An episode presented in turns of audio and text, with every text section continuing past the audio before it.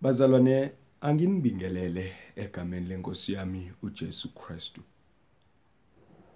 Eh isifundo sethu sanamhlanje sikuJoshua chapter 24 verse 14 to verse 18. Ngizothanda ukufunda nje lawo mavesi ngoba acishe asummarize indaba engifuna ukukhuluma ngayo. We kodwa nje ingqikithi yendaba yonke ikhona la kuJoshua chapter 24 kodwa ngaphambi kokuba sifunde asikhuleke egameni lika Jesu. Baba wethu ongcwele yise wenkosi yethu Jesu dalo ezulu nomhlaba Siyakubonga baba siyakubonga Nkosi yethu ukuthi namhlanje na usivumele ukuba sizwe izwi lakho. Usivumele ukuba sikulalele ukukhuluma kwakho. Nkosi uJesu singabantwana bakho siyazendlala phambi kwakho. Egameni lika Jesu ukhuluma izwi kithina Nkosi. Siqondise baba wethu ongcwele. Siyale sifundise uNkulunkulu wethu namandla onke usakhe ngokomsa wakho egameni lika Jesu usivikele usivuselele Nkosi yami nasekholweni lethu egameni lika Jesu Kristu waseNazaretha uqondise ukuhamba kwethu. Senze Nkosi yami sikukhumbule njalo njenganenkosi nomsindisi wethu.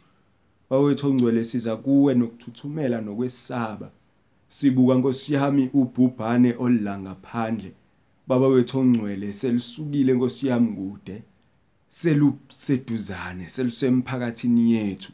Seliseduze kwabantu esibaziyo. Siyathuthumela uNkulunkulu wethu ongcwele ngoba imihla ngemihla siyezwa ukuthi Nkosi yami nabantu abadumileyo nabantu esibaziyo abasondelene nathi lubakhungethe. Nkosi yami kuyisikhashana esincane ukuba lufinyelele nakithi.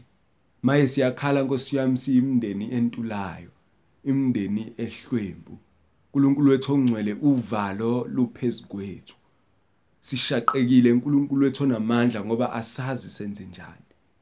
Kodwa wena Nkosi yami uyithemba lethu. Wena Nkosi yami unguNkulunkulu wethu. Ungasivikela ungasiphephisa ungasiqinisa ungasiyala. Ungayala nalesifo ukuba sisuke kithi. Ungakhuluma ukuphila phezukwethu kukhulumeke Nkosi. Baba wethu ongcwele angikhulekeli abaswele kuphela ngoba uNkulunkulu wethu onamandla onke nabathatha entweni bayathuthumela. uNkulunkulu wethu onamandla onke ngokuba akukho Nkosi yami ongabasiza nengcebo yabo ayinamandla. Baba wethu onamandla onke kodwa ithemba lethu likuwe. Baba wethu ongcwele ukuthi wena ungasophula kulolu sizo esibhekene nalo. Ungasikhulula kule nkinga esibhekene nayo. Baba wethu onamandla onke ungayivikela imindeni yethu. Ungabavikela abadala bethu uvikela abasha bethu uvikela abancane bethu. Ungasivikela uNkulunkulu wethu onamandla. Usophule sikukhonze futhi singesabi. Baba wethu onamandla onke naku ukufa kusemnyango. uNkulunkulu wethu onamandla onke naku ukufa kuyangqongqotha. Baba wethu ongcwele asifisi ukukhungathwa yiko ngoba Nkosi yami mhlawumbe ngeke sisinde. Kodwa uNkulunkulu wethu ongcwele sivikele. Unamandla okwenza lokhu. Baba wethu onamandla onke khuluma izwi kithina. Sikhamfathe sisindise selulele kuwe. Siyakunxusa Nkosi uJesu namhlanje na enkulunkulu wethu ongcwele likhulunywa izwi lakho phezukwale inhliziyo ezithuthumele phezukwale ingqondo eziyaluzayo phezukwale mzimba engena kukuthula khuluma izwi. Khuluma izwi lakho Nkosi yami sithola ukuthula kuwe. Khuluma izwi lakho Nkosi yami sithole Nkosi yami ukuzazi. Khuluma izwi lakho uNkulunkulu wethu ongcwele kithina ebese Nkosi yami siyabona uNkulunkulu wethu omkhulu kangaka phezukwezimo zonke. Khuluma izwi lakho uNkulunkulu wethu ebese siyabona uNkulunkulu wethu onamandla okusiphephisa nonamandla okusikhulula phezukwezinto zonke ezikhona emhlabeni. Khuluma izwi ngikhona khuluma izwi uNkulunkulu wethu sikunqanelwe. Buyisa thina Nkosi yami ekudukeni buyisa thina Nkosi yami ekulahlweni funa ngosife nasi ingazani nawe? Bawethu ongcwele khuluma izwi. Khuluma izwi ukuze kuthina uNkulunkulu wethu ongcwele siqondise indlela yethu. Ukuze Nkosi namandla onke sikukhonze wena uNkulunkulu wethu sikufune. uNkulunkulu wethu sikulambele sikunqanelwe njengendluzela yomela amanzi nemphefumulo yethu yomele wena. Ngegama lika Jesu Christ inkosi siyakucela lokhu. Khuluma izwi ngikhona egameni lika Jesu amen. Bazalwane njengoba sengishilo ukuthi isifundo sethu sisencwadini kaJoshua chapter 40 chapter 24 la sofunda khona uverse 14 sime kuverse 18 kufundeka kanjena ke bazalwane egameni lika Jesu. Manje yesabani uJehova? Nimkhonze ngobuqotho nangeqiniso. Nisuse onkulunkulu abakhonzayo oyihlobe phesheya komfula naseGibhithe. Nimkhonze uJehova. Uma kukubi emehlweni enu ukumkhonza uJehova khethani namuhla ukuthi ngubani niyakumkhonza noma onkulunkulu ababakhonzayo oyihlo besengaphesheya komfula noma onkulunkulu bama-Amori enihlala ezweni lawo. Kepha mina nendlu yami siyakumkhonza uJehova. Abantu baphendula bathi makube kude nathi ukumshiya uJehova ukuba sikhonze abanye onkulunkulu.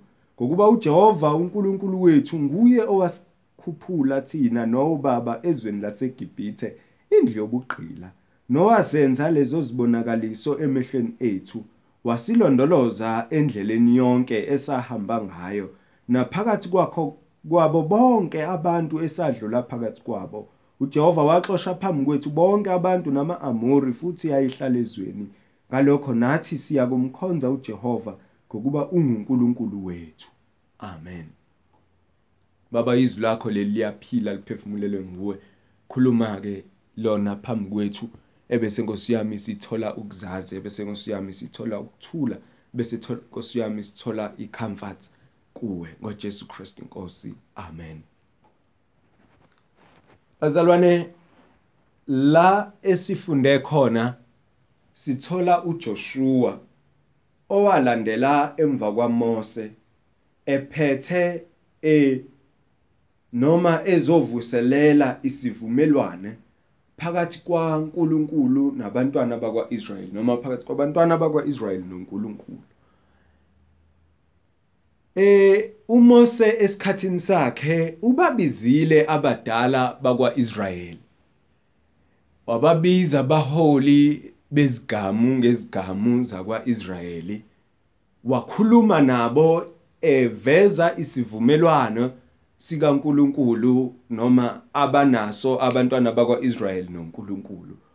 Uma ufunda kuExodus chapter 24 uzomthola uMose elanda ama-elder akwaIsrayeli ekhuphukela entabeni yaseSinayi elanda isivumelwane noma umthetho kuNkulunkulu ewubudlulisa futhi kubantu njengobunjalo. Ufunde futhi eh kuExodus chapter sorry kuDeuteronomy chapter 29 mangaphazami. Uyaphinda futhi lapho uyawubeka futhi noma uyasibeka isivumelwano eh sikaNkuluNkulu phambi kwabantu bakwaIsrayeli. Nakhona ke futhi uJoshua uma esethathile uma ufunda eh kuJoshua chapter 8 uzomthola naye futhi eaddress abantwana bakwaIsrayeli ngesivumelwano abanaso noNkulunkulu eh emva kwempi eseAyi noma emva kokuchithwa kweAyi uma futhi sesilana ke kuJoshua 24 emva kokuba noma uJoshua mesekhuluma amazwi akhe okuvalelisa uyaphinda uzobeka isivumelwano esabantu noNkulunkulu. Uzoyabasamona noma uyabalanda abantu noma abadala bakwaIsrayeli abaholi akade beke bakubona lokhu okuyizimanga uNkulunkulu azenzile.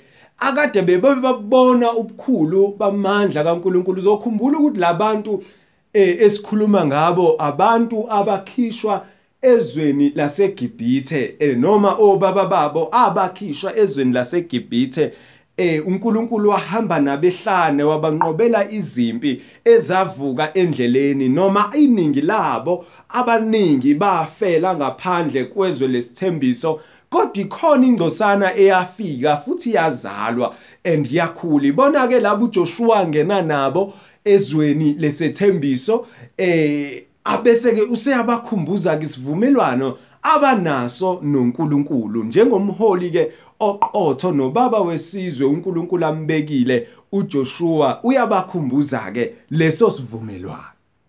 Ngoba iconcern yaJoshua ekhona njengamanje ukuthi abantu sebekhohliwe uNkulunkulu omkhulu nowenza izimanga banamathela koNkulunkulu obaba babo ababakhonzayo besangaphesheya komfula. Ingakho uJoshua ezolanda athathe kude alande ekuthenini eh uNkulunkulu wa usho kanje. Uzothi uJoshua usho kanje uJehova uNkulunkulu kaIsrayeli. Oyihlo bahlala enduya ngiphesheya komfula. uThera uyise kaAbrahama noyise kaNahori. Bakhonza abanye onkulunkulu.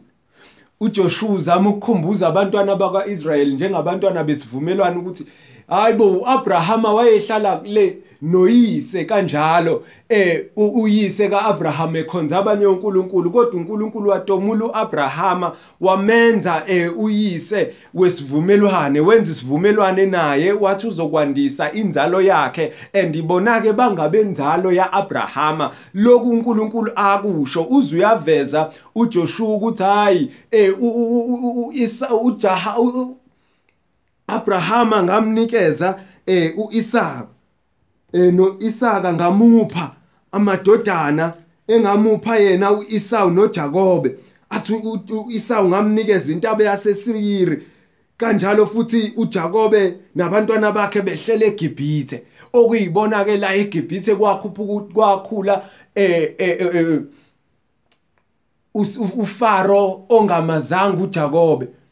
Manje ke uma esekhuphuka kwahlushwa kwacindezelwa abantwana bakwaIsrayeli and bakhala kuJehova uJehova wabophula wabakhipha ke wabanikeza isizwe sesivumelwano. And ibona ke laba ke abakulesizwe ke sesivumelwano akhuluma nabo uJoshua lana ukuthi nina ningabe sivumelwano? And isivumelwano esithi sihamba sibuya kulonkulunkulu owenza ukuthi nokuthi nokuthi wanikhipha ezweni laseGibhithe ekwathi noma amaGibhithe eminyaniso olwandle olubovu wanenzele indlela kwathi noma kwenzeka konke lokho baba benu waninqobisa wathi akuzange kuze kuguge nambadada nizange nidle phuzo olidakwayo kodwa konke kwavela ukuze nibone ukuthi nangu uNkulunkulu oqotho nangu uNkulunkulu okuqobo lwakhe owanikhipha ezweni laseGibhithe izwe lenhlupheko manje usenibekileke ezweni enigongobele kulo izwe enizinze kulo izwe lesithembisa nithembise obaba benu. Kodwa iconcern yalomholi ukuthi abantu sebekhohliwe nguNkulunkulu. Ingakho bakhumbuza ke wonke lemisebenzi emihle uNkulunkulu aseyenzile. La isifunda khona bazalwane ngifunda le ndaba ngikhumbula abantu banamhlanjena abantu banamhlanje abazalwane bakhohliwe uNkulunkulu oyithemba labo. Abantu banamhlanje abakhohliwe uNkulunkulu okunguyena obakhiphile ezintweni ekade sibacindezele okunguyena obakhiphile ekubhubheni ngendodana yakhe uJesu Kristu okunguyena obasizilo lakeni kodwa abantu basanamathele ezintweni ezibhubhayo ongathi isiliva negolide. Abantu basazibonga bona bakhohlwa uNkulunkulu obongekayo. Bazalwane ngifunda lokhu namhlanje ngoba sinaleyo nkinga. Abantu badumisa onkulunkulu emva kokuthi bazuze izibusiso noma bazuze izipho ezinhle ezivela kuNkulunkulu. Bona bahamba bayodumisa onkulunkuluwana kunokudumisa uNkulunkulu. Abantu banamhlanje bayamrobha uNkulunkulu udumo lumfanele kodwa badumisa amandla abo badumisa ukuhlakanipha kwabo badumisa onkulunkulu abazenzele bona uqobo lwabo. Namhlanje okuhamba phambili eh mhlambe izinto esingazinaki nje abantu abaningi badumisa izinkanyezi zokuzalwa kwabo their birthday stars. Umuzi umuntu ethi phela mina ngiyitharos phela mina ngiScorpion phela mina ngiGemini phela mina ngilokhu ngilokhu abakubeka as ama birthday stars abo bathi ngifanele ukuzuza lokhu ngoba mina as iGemini ngenza ukuthi nokuthi nokuthi.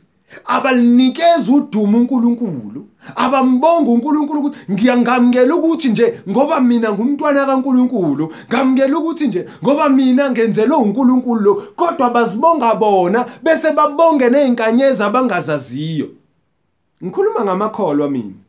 Khuluma ngabantu besivumelwano abantu bakaNkuluNkulu abaziyo ukuthi abamukela okuhle okungaveli kuNkulunkulu kodwa konke abakwamukelayo kuvela kuNkulunkulu.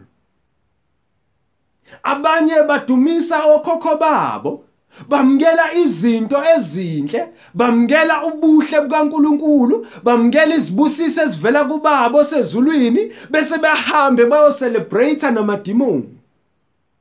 Ningizwe kahle bazalwane.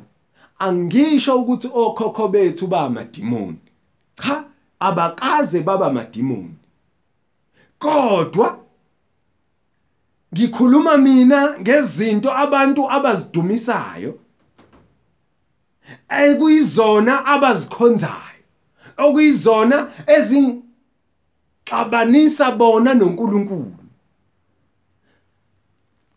Ukudumisa izinto ezikeceleni noma onkulunkuluwana noma izinto ezizakhele zona zisilethela ulaka likaNkulunkulu. Abanye ke bathatha ke ingcebo kaNkulunkulu abanike yona bathathe izinto uNkulunkulu abanikeze zona bahambe bo celebrate babonge impilo uNkulunkulu abanikeze yona babonge ukuthi hawu obana bangiphanga lokuphila. Kube kungasibo ngoba phela lithi izwi likaNkulunkulu asebefileyo abanasabelo kwabaphilayo. Abantu ke bayathatha ke eh ingcebo noma hlobo luni lento eworth i celebration bahambe bobonga eh bathi babonga okhokho babo ngempilo babonga okhokho kwabo ngengcebo babonga okhokho babo ngeingane babonga okhokho babo ngani ngani abayamkelile bakhohle ukuthi konke okuhle kuvela kuJehova. Abantu bazibongela noma bakhonza onkulunkulu eh basehlane. Onkulunkulu bangale komfula oyisa babakhonzayo kodwa uNkulunkulu asebophulile kubona. Yebo siyakubona lokho. Abanye ke bazakhela uNkulunkulu wabo. Mhlambe ngomqondo nangobuhlakanipha babo bathathe uNkulunkulu bamenze wabo bamenze uNkulunkulu wabo ngendlela bamajine bathi owethu uNkulunkulu somkhonza kanjena owethu uNkulunkulu uzositshela kanjena owethu uNkulunkulu uzositreata kanjena. Namhlanje ukuze uNkulunkulu wabo ezosiyutha ilifestyle yabo uNkulunkulu weBhayibheli bathi away with him. Kodwa labantu uNkulunkulu weBhayibheli ubakhiphe eindaweni einzima uNkulunkulu weBhayibheli ubakhiphe egqileni uNkulunkulu weBhayibheli ubakhiphe ecindazelekeni wabapha impilo entsha kuKristu Jesu. Namhlanje sebeyamflathela. Namhlanje sebekhonza okudaliweyo kunomdali. Bantu bami bayabhubha ngenxa yokuswela ulwazi. Abamazi uNkulunkulu bamrobha bamoncula uNkulunkulu ama attributes amfaneleyo ukuze bazakhele uNkulunkulu wabo ozosiyutha ilifestyle yabo ukuze bazakhele uNkulunkulu wabo ozosiyutha izono zabo ozopholisha izono zabo angabi nandaba nezono zabo. Kodwa namhlanje uJoshua uthi zikhethele nina uma kukubi emehlweni enu ukumkhonza uNkulunkulu weqiniso. Iqiniso uma kukube emehlweni enu ukumkhonza uNkulunkulu owanikhipha ebugqileni owanikhipha eGibhithe uNkulunkulu onamandla uNkulunkulu ongcwele kaIsrayeli. Zikhethele nina ukuthi ngubani niyakumkhonza? Noma wonkulunkulu obaba benu ababakhonzayo la benibakhonzayo noma izinto zakamumva enizakhele zona na? Uthi kodwa mina nendli yami. Siyakumkhonza uJehova. Mina nendli yami. Mina nendli yami. Siyakumkhonza uJehova. Sinqumo somholi usithatha kuqala. Uthi nina zikhetheleni makukube emehlweni enu ukumkhonza uJehova it's fine. Kodwa mina nendlu yami siyakumkhonza ngoba kukhula senzele kona. Ngiyazi lesiqhamukisa khona. And uthatha initiative uJoshua ukuthi akhethe kuqala ebese bona bayabona ukuthi benzani. And uJoshua khumbula ukuthi kwi chapter edlule ku verse 16 ubakhumbuzile ukuthi mabengabambeleli kwisivumelwano abasenzile noNkulunkulu uNkulunkulu uzobaqothula uNkulunkulu uzoqeda ngabo. Usethi ke mina nendliyami ngikhetha ukunga donsi ulaka likaNkuluNkulu kodwa ngidonsa ukuthula kukaNkuluNkulu. Ngienjoye uthando likaNkuluNkulu ngingabekezeli esonweni. Bazalwane namhlanje bengifisa ukuzonikhumbuza uNkulunkulu omuhle noyedwa. Yena ohlezi ezulwini ozithoba ukubuka emhlabeni unguNkulunkulu futhi unguNkulunkulu onomhawu. Unomona ngathi usholo yena. Ufuna thina simkhonze yena yedwa. Ungumdali wezulu nomhlaba. Yebo asikwazi ukumkhonza ngamandla ethu nangokwethu.